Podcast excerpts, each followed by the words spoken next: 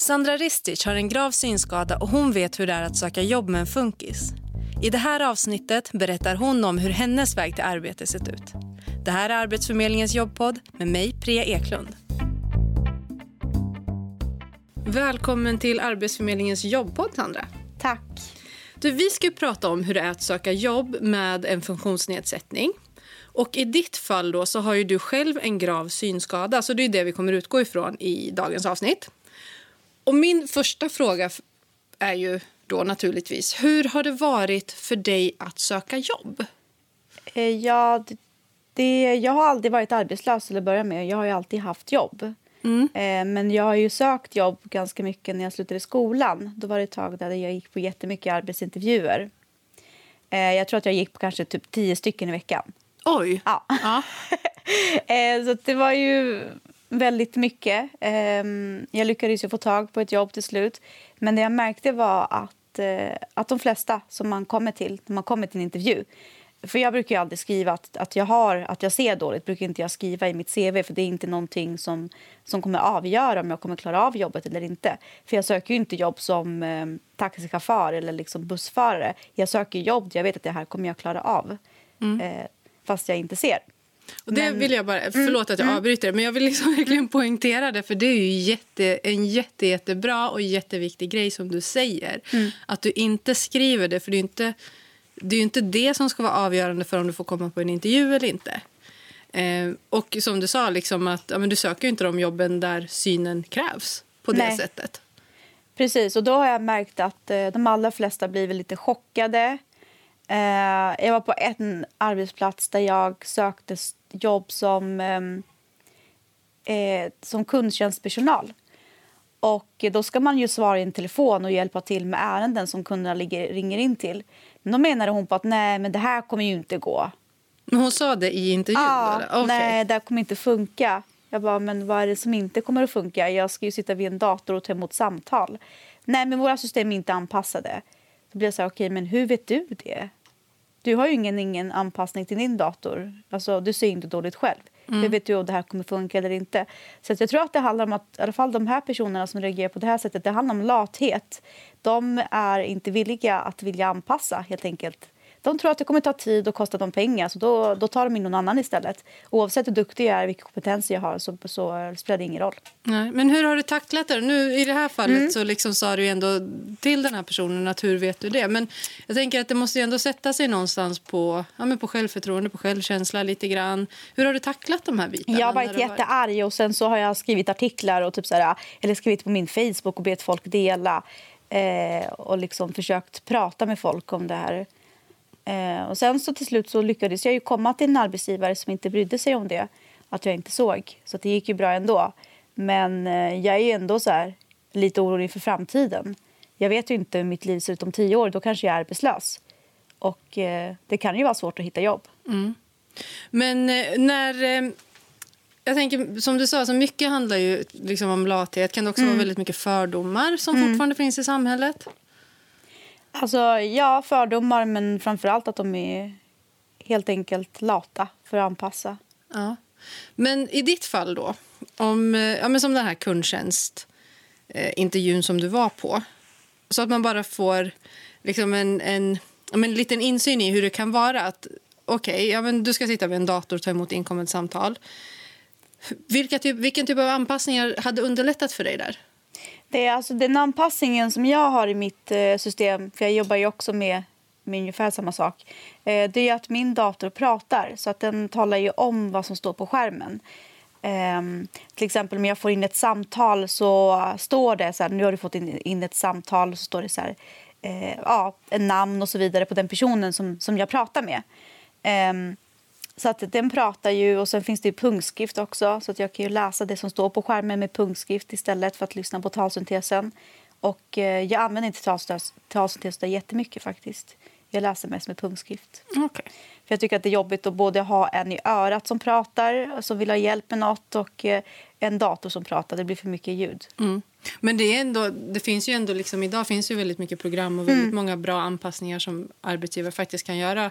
Kan, tycker du att man som, som sökande då faktiskt kan informera om det här? Att ja, men visst, du kanske tror att det blir svårt, men genom att installera det här programmet eller det där så skulle jag faktiskt klara av det. Ja, så jag har gjort så. Jag har varit, eh, när jag går på arbetsintervju så brukar jag säga att ja, jag ser ju dåligt och det är så. Det, det, går ju inte att göra någonting åt det här. Men för att jag ska kunna jobba på, det här, eh, på den här arbetsplatsen så behöver jag den här anpassningen. Och det kan ni fixa genom att kontakta Arbetsförmedlingen eller så kommer jag på egna idéer. Mm. För jag har alltid sökt, alltså jag har alltid jobbat med ungefär samma sak. Så jag har koll, lite koll på vilka program som funkar och anpassa, vilka som redan är anpassade. Så, där. så det är det som är fördelen med att jobba med ungefär samma sak. Just det. Och idag så jobbar du då, det har vi varit inne på, som telekommunikatör på ett mm. företag. Hur gick det till när du fick det jobbet? Eh, ja, så jag jobbade på Osynlig utställning innan dess. Och den hade gått i konkurs, eh, fick vi veta i februari 2018. Och då kollade jag runt lite med folk vad det, vad det fanns för jobb och det var någon som visste något när man kunde söka. Och då var det min granne som tipsade mig om Bexmo där jag jobbar. Mm. Eh, och då kontaktade jag Elin och kom på intervju. Ja, sen den vägen fick jag jobbet. Var du förvånad över att hon, Elin då, som är din arbetsgivare, att hon inte kanske hade några fördomar, att hon inte såg liksom problem i det här? Eh, ja, men det är jag fortfarande. det låter jättekonstigt, men eh, hon, eh, för Elin spelar ju ingen roll om man ser dåligt eller sitter i rullstol eller har någon annan funkis. För henne är ju det hur man gör sitt jobb som avgör. Mm. Um, så att det är ju det är så arbetsgivare ska vara egentligen, tycker jag. Just det. Och det här var alltså ditt nätverk som tipsade om det. Det tycker mm. jag också är en kul grej att plocka upp att man kan få jobb på andra sätt än att bara söka via CV personligt brev. Ja, alltså jag sökte ju en hel del jobb där veckorna, innan, eller veckorna efter att jag fick veta att det skulle gå en konkurs. Då satt jag med och sökte ett par jobb så där, några timmar om dagen. Um, men sen kom ju det här. Mm. Vilka alltså, tycker du att de har gjort, behövt göra stora anpassningar för att du för att du jobbar där? Eller har det varit sån här, ja men, ja men det är ett program som ska installeras på datorn? Eller för jag tänker att om man som sökande då går på en intervju och de kanske, de kanske säger rakt ut, jag vet inte, en arbetsgivare kanske säger så här, nej men det, det blir ett för stort projekt för mm. oss att göra det här. Och då är det bra att man är inläst på vad är som behöver göras precis som du är. Men nu när du i efterhand då, kan man säga att ja, men det var inte så stora anpassningar eller jo, men de har faktiskt gjort ganska mycket. Alltså det programmet som vi eh, sitter och jobbar i, det var inte alls anpassat från början. Så att, eh, det har ju kommit jättemycket anpassning under tiden som jag jobbat där. Jag har jobbat där snart ett, ett och ett halvt år. Eh, och, eh, alltså det mesta gick att göra i början, men vi kanske, det kanske tog lite längre tid. Nu funkar det lika bra som det funkar för de seende som jobbar i det programmet. Mm. Okay. Har du några tips till andra som är i samma situation som mm. du har varit i alltså när man söker jobb?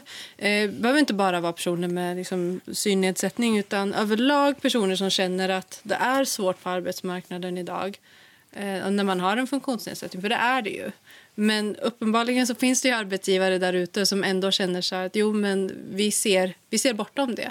Men vad har du för tips till andra som söker jobb idag som kanske är i samma situation som du, som du har varit i? Jag tror att mycket handlar om att man eh, måste vara ganska självsäker. faktiskt. I alla fall om man, om man, har, om man har en funkis. Eh, för att är du osäker på ja, kommer det här funka, då kommer de själva se det på det sättet. Jag tror, jag tror att det handlar väldigt mycket om att du ska vara säker på din sak. Att det här jobbet kommer jag klara av. och försöka övertyga dem om det. Och eh, du, måste, alltså, du måste veta så mycket mer än vad de vet. Det känns, det känns som att du måste ha mer information om de olika programmen. Man måste vara förberedd på mycket mer när man söker jobb. Mm. Så veta i princip vilka anpassningar mm. som skulle kunna Man måste ha lite koll på det tror jag. Mm. Jättebra. Hörru du Sandra, tack så jättemycket för att du ville vara med i Arbetsförmedlingens jobbpodd. Tack för att jag fick komma. Du har lyssnat på Arbetsförmedlingens jobbpodd med Priya Eklund och veckans gäst Sandra Ristic. Inspelningsansvarig var PG Nordström. I nästa vecka så kommer vi tillbaka med ett nytt avsnitt och då ska det handla om hur man kan bemöta kunder. Och det är Peter Gabrielsson som är gäst ifrån SAS.